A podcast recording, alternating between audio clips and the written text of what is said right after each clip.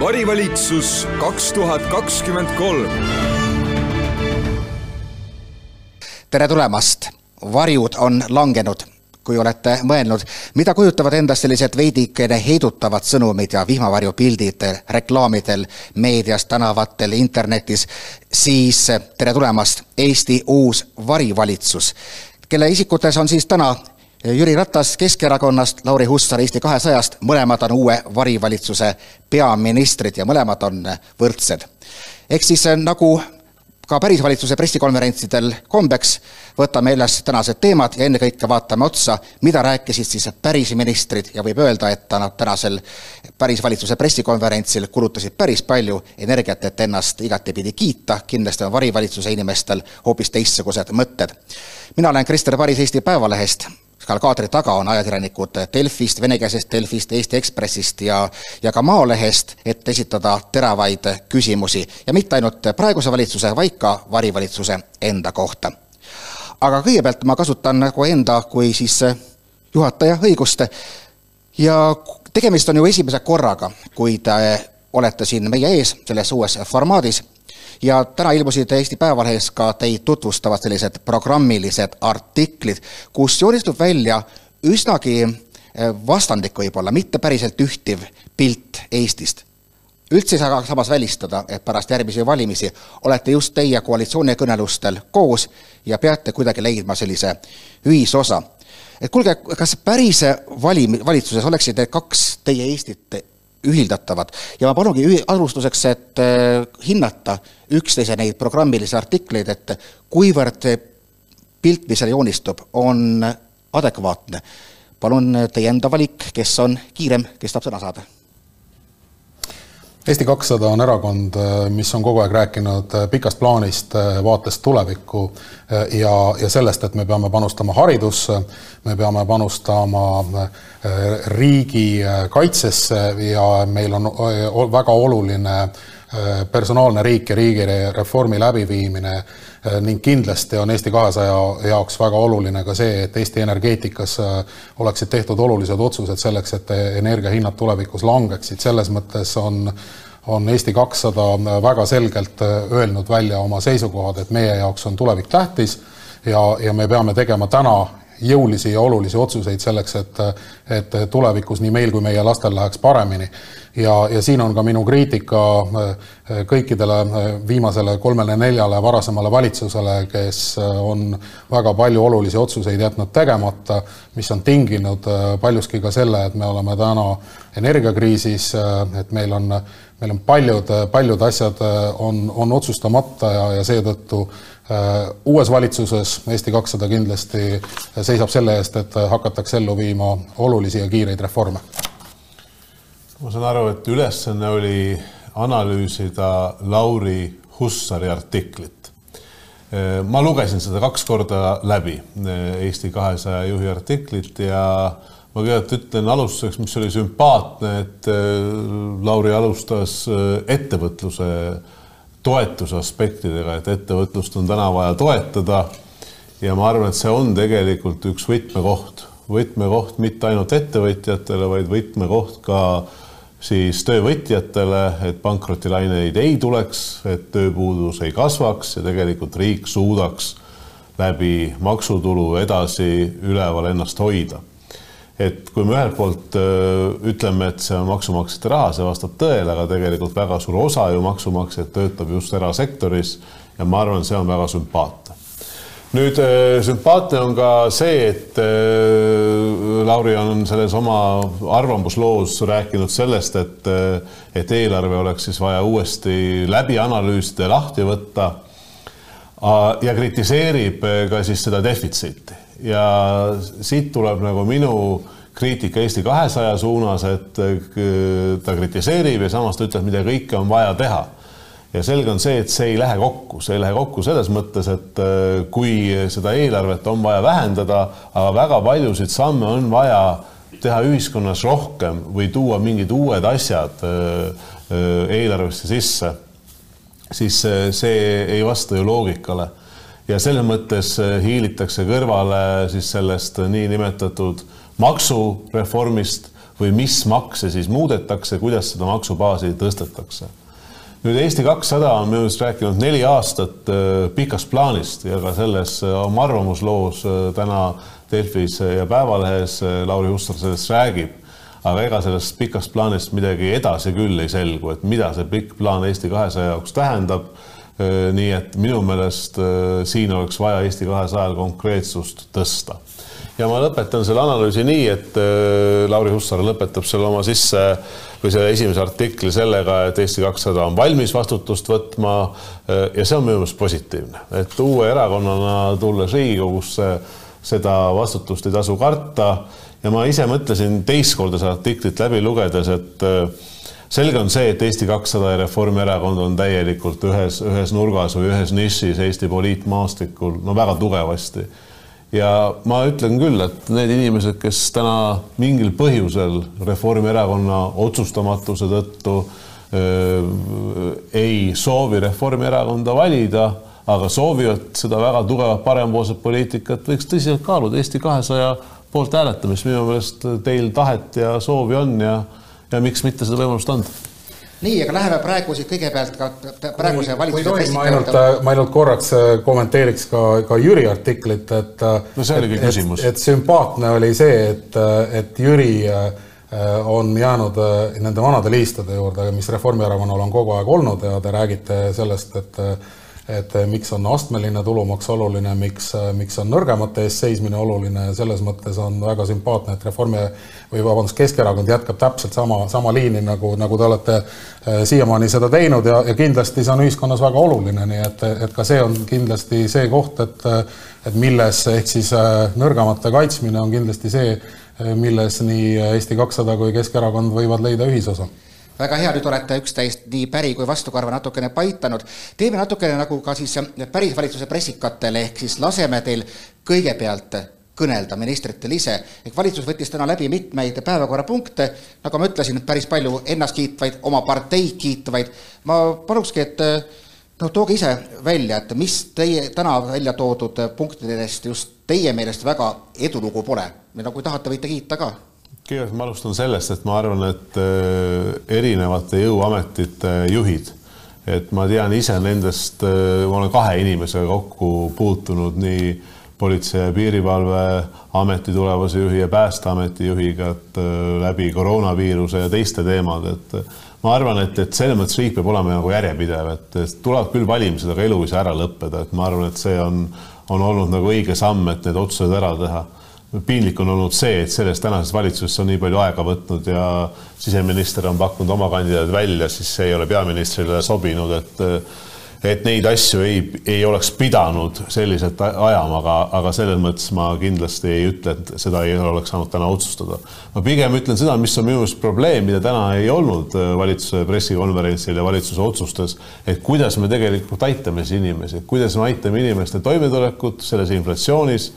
eelmine aasta, aasta inflatsioon natukene vähem kui kakskümmend protsenti. mis on need reaalsed sammud, millega me aitame ettevõtlust, meil oli eile öö, fraktsiooni poolt seminar, kus rääkis üks Eesti tootmisettevõtte selline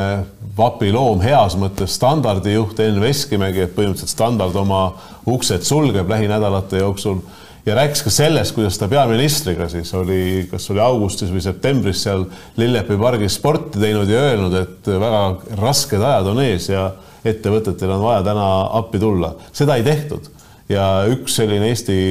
heas mõttes noh, lipulaev oma uksed sulgeb. et ma oleks tahtnud seda kuulata, kuulda täna valitsuse pressikonverentsilt, et inimestele me tuleme appi nende ja nende toetustega elektri, gaasi puhul ma oleks väga soovinud kuulda seda, millega tullakse appi ettevõtetele ja läbi selle ka tööhõivele. kindlasti on, on positiivne see, et, et jõustruktuuride kõrgemad ametnikud on paika saanud ja ma siiralt loodan, et et tegu on kõige paremate kandidaatidega. kogu selle protsessi puhul on mind häirinud aga see, et et poliitikud on hakanud äh, vaidlema ja arutlema selle üle, et kes on Eestis kõige parem politseinik, et kindlasti selline see konkreetne protsess ei saa ega tohi olla ja, ja, ja tulevastes valitsustes äh, tuleb küll see, see protsess ja selle protsessi läbipaistvus ja ja ka avalikkusele mõistetavus väga tõsiselt üle vaadata. ja teisena jäi mulle silma siseminister Lauri Läänemetsa poolt välja öeldu, mis puudutab erakondade järe, rahastamise järelevalve komisjoni volituste ja, ja, ja pädevuse laiendamist ja seda arut-, arutelu valitsuskoalitsioonis, mis peaks toimuma esmaspäeval ja siinkohal mina tahaks küll äh, tulla, äh, tulla tänasele Riigikogu koosseisule appi ja, ja tahaks äh, ühe, ühe väga olulise täienduse sellesse arutelusse lisada, nimelt on on Eesti kakssada kogunud rahvaalgatuse korras kokku allkirjad, üle tuhande allkirja selleks, et, et riigieelarvelise rahastuse peatamine tuleks Äh, kehtestada erakondadele, millel on kehtiv kriminaalkaristus. Ja ma arvan, et, et see on äärmiselt, äärmiselt oluline, äh, oluline ettepanek, mis seaduseelnõuks vormudes ja seaduseks vormudes võib Eesti demokraatiat ja, ja, ja, ja ka Eesti, Eesti poliitikat muuta, muuta läbipaistvamaks ja, ja puhtamaks ja, ja me saadame ka need allkirjad Riigikogule Äh, elektrooniliselt, siinkohal on lihtsalt äh, laua peal ka see ettepanek, mis on siis rahvaalgatuse korras kogunud need, need allkirjad. Ja, ja me arvame, et et, et see on kindlasti üks meede, mis, mis aitab erakondade rahastamist muutma, muuta läbipaistvamaks, lisaks sellele me, me tuleme välja ka ettepanekutega, mis on seotud äh, erakondade valimiskuludele ülempiiri seadmisega, äh, kõik selleks, et, et raha mängiks eelolevatel ja, ja, ja ka edasistel valimistel vähem rolli ja, ja rohkem me saaksime rääkida äh, sisupoliitikast ja sellest, milline Eesti elu tegelikult peaks olema. Niimoodi läheme edasi küsimuste juurde, ma kasutan kõigepealt enda õigust ja küsin, kas erakondade rahastamise läbipaistvamaks, arusaadavamaks äh, muutmine on, oleks midagi, millest te võiksite olla üksmeelel, see küsimus on ennekõike siis Jüri Ratasele. no ma ei tea, kas me oleme üksmeelel või mitte, aga ma arvan, et Keskerakond neid samme kindlasti toetab, et kui me, kui me räägime sellest, et et läbipaistvust suurendada, siis jah, me ei näe selles midagi halba, vastupidi, et, et see on positiivne. eks meie erakond ole ise väga palju äh, Äh, palju saanud äh, valusaid õppetunde selles küsimuses ja ja oleme neid, äh, neid probleeme lahendanud viimase kuue aasta jooksul, nii et ma arvan, et selles mõttes on see igati õige samm. niisiis, ajakirjanikud, palun käsi püsti ja tutvustage ka ennast jaa, Karoliina Vaslit Delfist ja küsimus Jüri Ratasele, et te rääkisite siin, et oleks pidanud ka sellel algsel pressikonverentsil rohkem rääkima toetustest ja kuidas inimesi aidata, aga et mis toetusi teie hinnangul vaja oleks ja pigem isegi küsiks, et kust see raha siis peaks tulema, et ega ka riigieelarve vahendid on piiratud? noh, selle Kaja Kallase valitsuse ajal ma ei näe küll, et riigieelarve on piiratud, et see, mis toimus eelmise aasta kevade lõpust ja ütleme suve keskpaigani siis oli arusaadav ju, et siis riigieelarvet ei loetudki, raha ei loetudki ja kui me vaatame sadu miljoneid, kuidas see eelarve on kerkinud ja ma rõhutan, et see eelarve on kerkinud läbi püsikulude,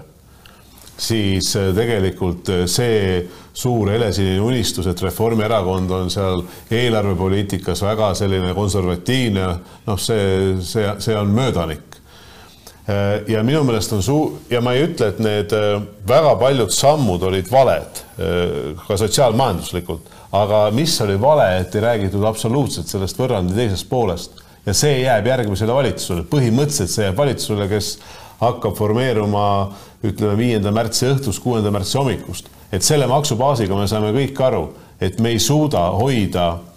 tulumaksuvaba miinimumi sellisel tasemel, me ei suuda toetada pikaajalist hooldust sellel tasemel, lisaks peretoetused, lastetoetused ja tegelikult see nõuab maksubaasi tõstmist ja see tähendab, et keegi peab hakkama Eestis rohkem makse maksma või peavad tulema mingid uued maksud.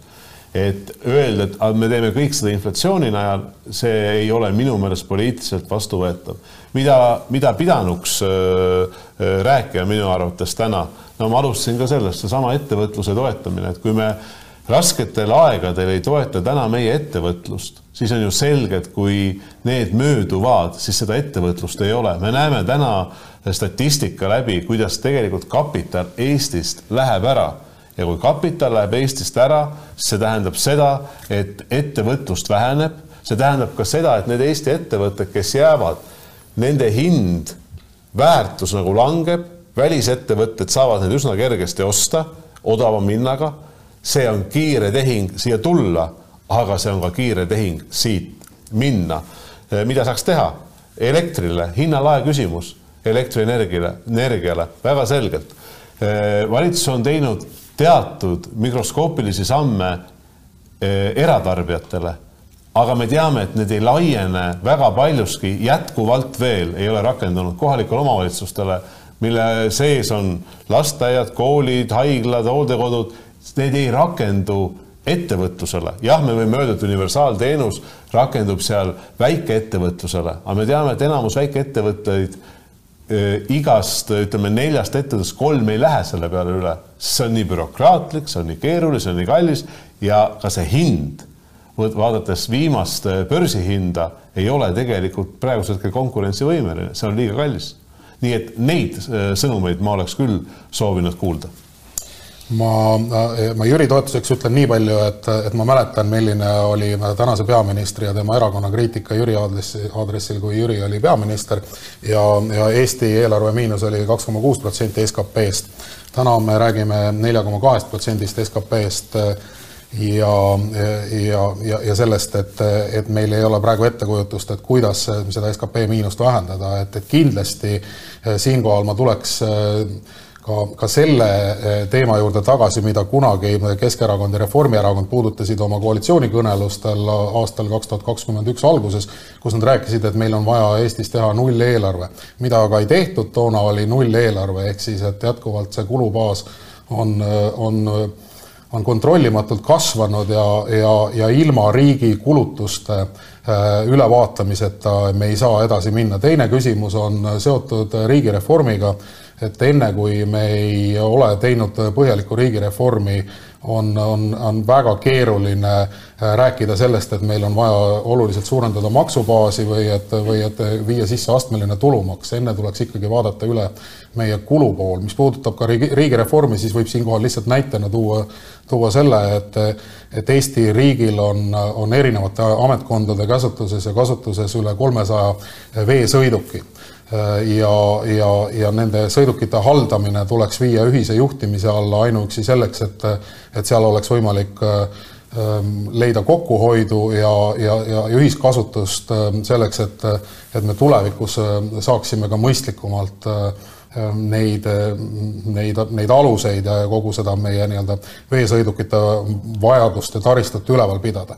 et selliseid näiteid on igast valdkonnast ja, ja seega tuleb väga põhjalikult üle vaadata kogu see meie kulude baas, enne kui me, kui me asume kehtestama uusi makse või, või panema paika selle, et et, et nüüd riigi ülalpidamiseks on meil vaja kuskilt, kuskilt hankida täiendavaid, täiendavaid lisavahendeid, et nii me teeme kodus oma, oma, oma isikliku majapidamise juures, nii me peaksime toimetama täpselt ka riigi puhul no nii palju ma tohin lisada, et vaevalt, et nüüd vähem kui kaks kuud enne Riigikogu valimisi riigireformi päris ära suudab teha. küll aga, ega ma ei ütle, et see on nagu vale suund, et sellega edasi minna, mida, mida Lauri ütles. küll aga ma arvan, mis otsused võiks täna teha, on selgelt, valitsus võiks, võinuks öelda, et jah, me ütlesime valesti veel siin nädal aega tagasi, jutt on väga paljude Riigikogu liikmete poolt algatatud käibemaksu langetamisest vähiravimitele teatavasti Rahandusministeeriumist on tulnud teine seisukoht, et see esimene lugemine, mis ära toimus, et sellega Riigikogu võiks edasi minna ja selge on see, et koalitsioon võiks öelda, et me toetame seda. valitsus võiks täna öelda, et toiduainete käibemaks, et teeme ajutise langetuse selles keerulises olukorras, mida väga paljud Euroopa riigid on täna kasutanud. nii et need võiks olla konkreetsed sammud kasvõi lähikuudeks, mis oleks palju leevendust andnud Eve-Inla Maaleht, äh, ma küsiksingi tegelikult äh, nende samade maksude kohta, teil mõlema jutus käis läbi see, et äh, võimalikud uued maksud, mis võiksid olla ja kas võiksid olla, et Jüri Ratas, teie erakonnakaaslane Jaanus Karilaid ütles tänases Maalehe intervjuus mulle, et et kui üks maks, mida ta üldse tõstaks, võiks olla panga või finantsmaks. olete te temaga nõus, et tõepoolest, et Rootsi pankadele Eestis, nagu ta väljendus, tuleks panna päitsed pähe? Ja ma olen kindlasti nõus selle suhtumisega, et, et fisk, fiskaalsektor, mis meil on, et see, et siit läheb, ütleme, maksustamata kasum välja, et ma ei arva, et see on õige, et, et selle pealt võetakse meie inimestelt mitu nahka ja siis see kasum liigub siit noh, piltlikult öeldes Stockholmisse. Ja seal riigis ei ole see nii, seal riigis tegelikult maksustatakse seda kasumit. Ja meil on olnud nüüd juba kakskümmend kolm aastat selline lähenemine, kus tegelikult sellist äh, kasumit ei ole maksustatud. ja kui selle ideoloogia oli alguses see, et see aitab luua töökohtasid, see toob juurde siia väliskapitali, see või, see võis ka nii töötada kakskümmend kolm aastat tagasi, aga täna ta selgelt nii enam ei tööta, selle pinnalt ei tehta otsust, kas Eestisse investeeritakse või mitte et see on pigem see, et kui me oleme siit ühiskonnast saanud midagi, siis me anname ka siia tagasi. nüüd teine maksu aspekt, mida ma tahan välja tuua, on tõesti see, mille eest on äh, Keskerakond seisnud, see on astmeline tulumaks. Ja see ei ole mitte niivõrd see, et, et see aitab riigieelarvet täita, aga see on see, et äh, ta aitab erinevate sissetulekutega inimeste vahel sellist äh, sotsiaalset sidusust luua ja see on kõige olulisem selles astmelisel tulumaksul, see on ka see põhjus tegelikult, milleks, mille enamus Euroopa Liidu liikmesriike kasutab astmelist tulumaksu. Äh, mulle tundub, et äh, nende valimiste eel, eriti selles inflatsioonis, erakonnad pigem pelgavad rääkida uutest maksudest või, või maksupoliitilistest muudatustest, aga ma tulen välja korra uuesti selle pikaajalise hoolduse küsimusega ja see on hea, et täna antakse nelikümmend miljonit juurde, järgmisel aastal natuke rohkem, ülejärgmisel aastal veel rohkem. aga selge on see, et kui ta lahendab mingil määral praegusel hetkel hooldekodu kohtade maksumuse taskukohasust sellele kliendile, siis ma olen täitsa kindel, et see ei ole lahendus, mis jääb püsima aastateks ja minu meelest me võiksime ausalt välja öelda, et me vajame sellist hoolduskindlustus nagu maksu, kus inimesed sinna panustavad, tekib see fond ja ühel hetkel, kui inimene vajab ükskõik missugust pikaajalise hoolduse teenust, ma loodan, et, et see on koduteenus, aga midagi ei ole teha, mõned vajavad ka hooldekoduteenust, et siis öeldakse, et pensionist see, see, siit tuleb välja, et ta ei pea minema oma lapse või lapselapse juurde, ta ei pea minema oma säästude kallale. Nii et ma arvan, et need, need on tegelikult need küsimused, kui me, kui me teiselt poolt või ühe esimeselt poolt räägime, et kõrgharidust rahastust me soovime tõsta, me soovime hoida üleval teadus-arendustegevuse kulusid. me soovime õpetajate palka tõsta. et me näeme täna, et eelarve on defitsiidis, inflatsioon läheb vähemaks, maksulaekumine läheb halvemaks, see defitsiit ainult suureneb. küsimus ka veel Lauri Hussarile, et teatavasti viimastel päevadel räägitakse päris palju sellest, et mitmed äh, Eesti vallad on pankrotis. Äh, üks on näiteks äh, Rõuge vald, mis on väga suures hädas. Ja minule üllatuseks tegelikult äh, Rõuge vallas on olemas neli raamatukogu mida teie arvate, et, et kas see on nüüd õige, kas me peaksime need raamatukogud kinni panema või, või tõenäoliselt külainimese jaoks on see ju väga suur tragöödia, kui raamatukogu tema külast ära kaob, et, et kus see lahendus siin oleks? hakkame neid uksi sulgema, paneme raamatukogud kinni, paneme kultuurimajad kinni või on mingi muu lahendus, aitäh? meie oleme kindlasti seda meelt, et, äh, et kohalikku elu tuleb Eestis arendada ja seda tuleb teha ka väljaspool Tallinna ja Harjumaad ja äh, ja äh, Eesti kakssada toetab täna ka seda seisukohta, et, et meil võiksid olla regionaalsed maksuerisused, mis puudutavad tulumaksu ja tulumaksu laekumist ka kohalikule tasandile. lisaks ka maksusoodustus kohalikul tasandil mis võiks olla väiksem kui, kui Tallinnas ja Harjumaal, näiteks väljaspool neid regioone võiks siis äh, tulumaks olla, olla mitte kakskümmend protsenti, vaid viisteist protsenti ja see, see aitaks selgelt äh, kaasa ka, ka töökohtade ja, ja elu äh, viimisele nendesse piirkondadesse, et, et see kindlasti on, on äärmiselt oluline, mis puudutab nüüd äh, Äh, nüüd äh, seda, et kas, kas Rõuge vald suudab üleval pidada kõiki, äh, kõiki raamatukogusid seal, siis see on kindlasti kohaliku inimeste otsus. Et kohalikud inimesed peavad ühel hetkel leidma sellise kõige mõistlikuma viisi, kuidas, kuidas seda kohalikku elu korraldada ja peavad hindama ka üle oma kulud, aga, aga meie asi, kui me, kui me räägime ka, ka laiemalt kohaliku elu Äh, elu jaoks võimaluste loomisest, siis, siis me peaksime mõtlema ka sellele, et kuidas neid töökohti ja tasuvaid töökohti sinna maale luua, selleks et, et elu sealt ei kaoks et, et, et, et piirkonnas oleks piisavalt maksutulu ja see, ja sellepärast me peame ka,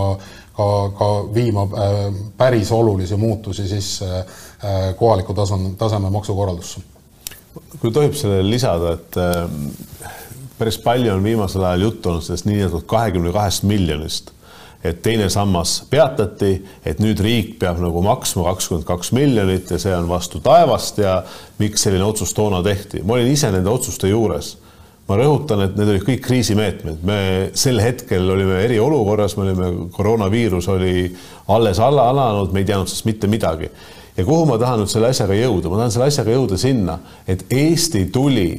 kahe tuhande kahekümnendal ja ma ütlen ka kahekümne esimesel aastal, kuna selle eelarve tegi veel minu valitsus, tuli sellest koroonaviirusest majanduslikus mõttes ühe tugevamana riigina Euroopa Liidu tasandil välja läbi ka majanduskasvu. et tuleb vaadata tervikpilti ja me tegime väga kiiresti erinevaid meetmeid läbi tõesti, läbi ka Töötukassa, mis aitas inimeste tööhõivet hoida ja majandusettevõtetel mitte minna pankrotti. aga üheks oluliseks äh, lahtriks või, või reaks oli seal toetus kohalikele omavalitsustele. kriisitoetus, tegevustoetus, aga teedetoetus ja investeeringud ja minu meelest see on olnud kuidas me viilisime Reformierakonnaga kogu aeg saagisime seda, et kui me olime koalitsioonis, et ka selles julgeolekukriisis tuleb toetada kohalikke omavalitsusi,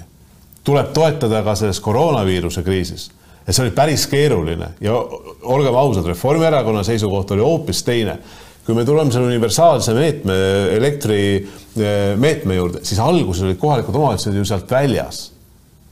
et ja kui te küsite nende Rõuge või nende teiste näidete kohta, siis selge on see, et kolm aastat kriisi, koroona, eh, Vene agressioon Ukrainas, see jätab selgelt ja pluss elektri ja energia hinnad, mis on ka seotud sellega, see kõik jätab väga tugeva jälje kohalikele omavalitsustele, kellel tegelikult omavalitsusvolikogus pole ju tulubaasi üldse võimalik muuta.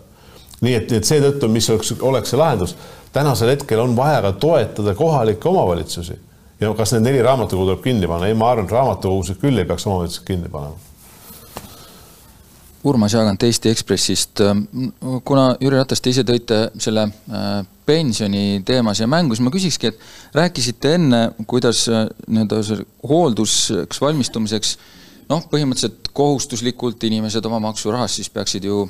maksma selleks, et me selle hooldusega toime tuleksime. nüüd Äh, samasugune sotsiaalne probleem oli ju seesama äh, pensioniteks valmistumine, mille puhul teist, teie valitsus leidis, et ei ole kohustuslikus korras vaja seda raha koguda, et äkki te seletate, mis vahe seal on, miks ühel juhul on raha vaba ja teisel juhul ei ole, miks ühel puhul tuleb koguda kohustuslikus korras inimestelt maksu Äh,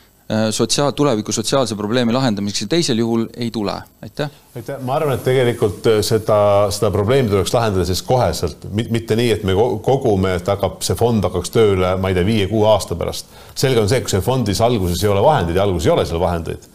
äh, kui me räägime töötuskindlustusest või hoolduskindlustusmaksust, siis nii palju, nii kaua peab, peab riik seda, seda järgi aitama, et, et ka tänased eakad, kes sinna lähevad, saaksid selle toe on ju päris selge, me saame sellest aru ja need signaalid on tulnud juba, kus hooldekodud ütlevad, et nad tõstavad oma teenust, tõstavad oma teenust erinevatel põhjustel. ja nüüd, kui riik ütleb, et me paneme siia nelikümmend miljonit või järgmisel aastal viiskümmend kuus, viiskümmend seitse miljonit, siis ma väidan, et see ei ole jätkusuutlik. pikaajalises hoolduses on väga palju teisi komponente, kui on hooldekodu koht, tõsi, mis on väga-väga kallis nii et ma ütlen, et see süsteem punkt üks ei ole jätkusuutlik. kui nüüd võrrelda seda, et, et miks üks peaks olema vabatahtlik ja teine kohustuslik, meil on täna ka teatud maksud, töötuskindlustusmaks näiteks, kus inimesed ju ise panustavad ja ka tööandja ise panustab igakuiselt nüüd äh, pensionite puhul oli ju selge, et teine sammas, äh, Isamaa tuli, tuli välja, et see tuleb ära lõhkuda, see tuleb ära kaotada. et sellega Keskerakond kindlasti ei olnud nõus. jah, see muudeti vabatahtlikuks aga me näeme seda, et väga paljud inimesed jätkasid seda kogumist. mina arvan, et see on õige, et seal jätkata, kui vähegi on võimalus seal jätkata. mina ise ka jätkan seal kogumist. nii et, aga ma ütlen veelkord, et sel hetkel, kui see, see kahekümne kahe miljoni asi, mida praegu kritiseeritakse, oli, siis see oli koroonaviiruse ajal, see oli kriisimeede, see oli üks kriisimeetmetest vabandust, Ansipi valitsus tegi sama asja seal kaks tuhat üheksa, kaks tuhat kümme, ma jään täpse aastaarvu võlgu, aga meie otsus oli selles mõttes parem, et vähemalt maksti nendele inimestele intressi. sellel ajal, kui nad ise maksid edasi ja riik ei maksnud kui siin Jüri Ratas on päris palju rääkinud inflatsioonist, et siis ma pean kahjuks ütlema, et see otsus muuta pensioni teine sammas vabatahtlikuks on, on meie inflatsiooni suurendanud ja kindlasti on sellel ka mingi mõju äh, meie tänasele hinnakasvule ja, ja, ja, ja kuna teie valitsus langetas ka selle otsuse, et siis ka teil on oluline roll selle otsuse, otsuse tegemisel. nüüd küsimus selles, et kuidas me lahendame siis äh, olukorra, kus, kus me peame leidma lisavahendeid selleks, et et, et, et, et hooldekodukohad Äh, oleksid inimestele taskukohased, et siis kindlasti oleks üks lahendus ka tulevikus äh, läbi personaalse tervisekonto sellise vabatahtliku tervisekindlustuse äh, võimaluse loomine, kuhu siis tööandja saab täiendavaid sissemakseid teha, seeläbi siis läbi ka selle ähm, personaalse kindlustuse tekitada see võimalus, et, et inimesel tekib täiendavaid lisavahendeid ka juhuks, kui tal seda hoolde Äh, hooldekodukohta tarvis läheb, et, et Eesti kakssada kindlasti äh, läbi selle äh, personaalse tervisekonto ja, ja sellesse tehtavate sissemaksete, mida siis tööandja saab teha, pakub siin ühe veel täiendava lahenduse. see tervisekindlustus oleks kindlasti ka, ka lahendus paljude tervise tervisekulude katmiseks ja siin on üks väga oluline aspekt veel, see toob meie tervishoius lisaraha sellepärast et äh, täna äh, me, me oleme olukorras, kus meie tervishoiukulud on defitsiidis ja see, see olukord ei saa sellisena väga pikalt jätkuda, meil on vaja tuua tervishoiusektorisse lisaraha. sellega ma olen väga nõus, selle viimase mõttega, et tervishoiusektorisse lisaraha, võtke tänane Reformi, Isamaa ja sotside koalitsioonilepe, ma arvan, ma ei eksi, kui ma ütlen, seal pole ühtegi sõna ka tervishoiust kirjutatud. ja see koalitsioon on tehtud pooleks aastaks ma mäletan, me panime tervishoidu juurde lisaraha Haigekassas üle viiesaja neljakümne miljoni. Ja kahjuks ei saa öelda, et see vähendas ravijärjekordasid, aga saab öelda, et see vähemalt tagas selle, et need ei pikenenud, enamuses ei pikenenud, võib-olla mõnes äh, sektoris ka natukene vähenenud, vähenesid. aga Eesti kahesaja reformi nagu ühisvaated ja ma vaatan ka seda reklaami, kus äh, Eesti kakssada kogu aeg ütleb, et tema on Reformierakonnaga uus koalitsioon, no ma saan sellest mõttest Lauri aru, mis, mis te soovite sellega teha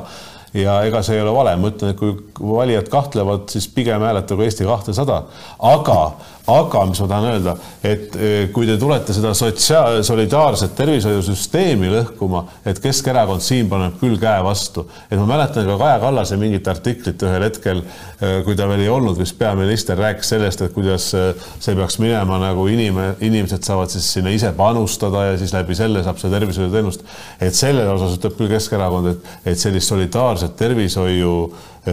teenust Eestis me kindlasti lõhkuda ei luba, me seda ei toeta, nii nagu samuti me ei toeta seda, et hakatakse nüüd võtma kiirabi väljakutse eest, öeldakse, et, et makske enne kui kiirabi tuleb, et need asjad meie hinnangul ei ole õiged. üks küsimus Lauri Hussarile ka veel, et Jüri Ratas ka mainis juba siin korra teie selle nii-öelda pika plaani poliitikat, et Eestis teatavasti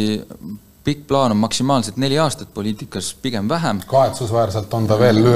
veel lühem no, olnud. ütleme, et veel meil lühem. meil on reeglina pla-, plaanid olnud äh, koalitsiooni pikkused, et ehk siis äh, ütleme, kuskil poolteist, kaks aastat on, on, on neid plaane tehtud ja, ja siis on neid aga, ümber tehtud. aga selleks, et pikk plaan nagu tehtud saaks, peab olema ka mingi esimene samm, et nimetage, no ütleme näiteks energeetikapoliitikas üks asi, mis saab valitsuse tegevusprogrammi Äh,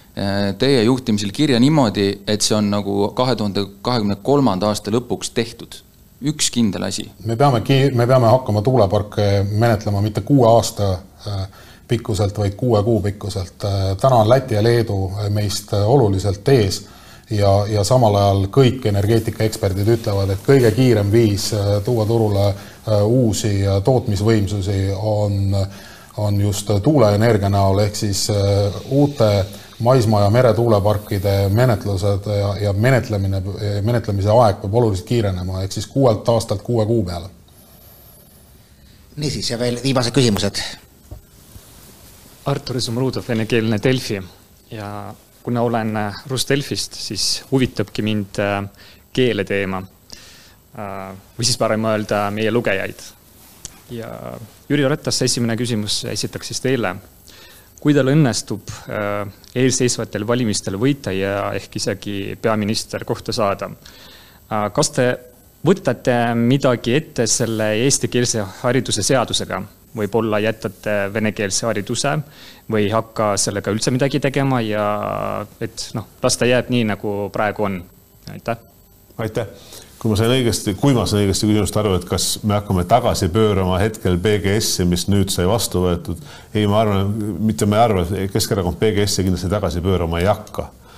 Eh, küll aga ma arvan, me jätkame sellega, mida me reaalselt eh, tegime eh, valitsus, kui mina olin peaminister ja me reaalselt andsime raha, et tuua eesti keele õpetajaid lasteaedadesse ja neid oli kümneid. ma arvan, neid oli sadu, kes tuli sinna juurde tõsi, me alustasime ka põhikooli esimeses astmes, esimeses klassis, see ei olnud veel nii edukas, me ei jõudnud seda nii käima panna. ma arvan, et eh, keelekümblus, millega tuleks kindlasti edasi minna, et sinna tuleb nagu reaalselt panna rahastus sisse ja ma arvan, et see ei ole kuidagi lahendus kui me ütleme, et Ida-Virumaal me tõstame need õpetajate palgad üles, kus nad lähevad, kust need õpetajad tulevad, tulevad siit Tallinnast, võib-olla tulevad Viljandist, võib-olla tulevad, ma ei tea, Kuressaarest et me ei saa teisi koole nagu tühjaks tõmmata, aga vastus teile on see, et et kindlasti me ei hakka seda PGS-i nagu tagasi pöörama. mul on kahju, et härra Jagant ei küsinud minu käest seda põlevkivi küsimust ja energeetika küsimust, aga noh, küsimus pole laual, siis pole laual. aitäh ja ma jätkaks siis selle keele teemaga. Lauri Hussar, teile küsimus, kuna ajakirjanduse teema on teile väga lähedane, siis tahtsin teada, kas teie arvates on vaja venekeelset ajakirjandust riigis arendada? venekeelne ajakirjandus äh, on täna kindlasti väga olulisel kohal ja, ja ja mul on väga hea meel, et, et nii Delfi kui ka Postimees kui ka ERR on, äh, on märkimisväärselt panustanud äh, venekeelsesse ajakirjandusse selleks, et need, kes ei, ei, ei suuda või ei saa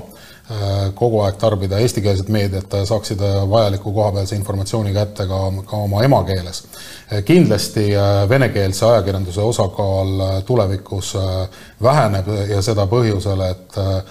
et meil äh, ka vene keelt emakeelena rääkivad inimesed äh, hakkavad äh, tulevikus palju paremini rääkima eesti keelt põhjusel, et me läheme üle ühtsele Eesti koolile, mis puudutab nüüd seda ühtse Eesti kooli projekti, siis, äh, siis praegu on lahendatud ainult pool võrrandist, ehk siis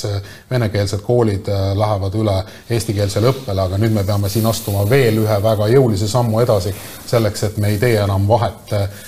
koolidel, kus, kus käivad vene õpilased, vene keelt emakeelena rääkivad õpilased või eesti õpilased, et meil on ühtne Eesti kool, kus kõik äh, lapsed õpivad koos, et, et täna minu hinnangul näiteks, näiteks Tartus äh, ma ei näe enam mitte mingisugust põhjust, et meil on, meil on olemas kool, kus, kus valdavalt lähevad õppima vene keelt emakeelena rääkivad õpilased, et seal oleks juba, juba, juba esimese sammuna vaja väga kiiresti vaja astuda see see samm, et, et, et kõik Tartus õppivad lapsed käiksid ühtses Eesti koolis. niisiis, lõpetame sõnadega nagu päris valitsuse päris pressikonverentsil. ehk siis aeg on otsas. aitäh kõigile kuulamast, vaatamast ja kaasa mõtlemast. see on aga alles algus, et järgmisest nädalast astuvad podcastides üles ka varivalitsuse teised ministrid peaaegu iga päev ilmuvad nendelt arvamuslood ja mõistagi ootame ka, ka vastukaja igal juhul avalöök on antud, elagu demokraatia ja selle pidupäev, valimised. aitäh. aitäh. varivalitsus kaks tuhat kakskümmend kolm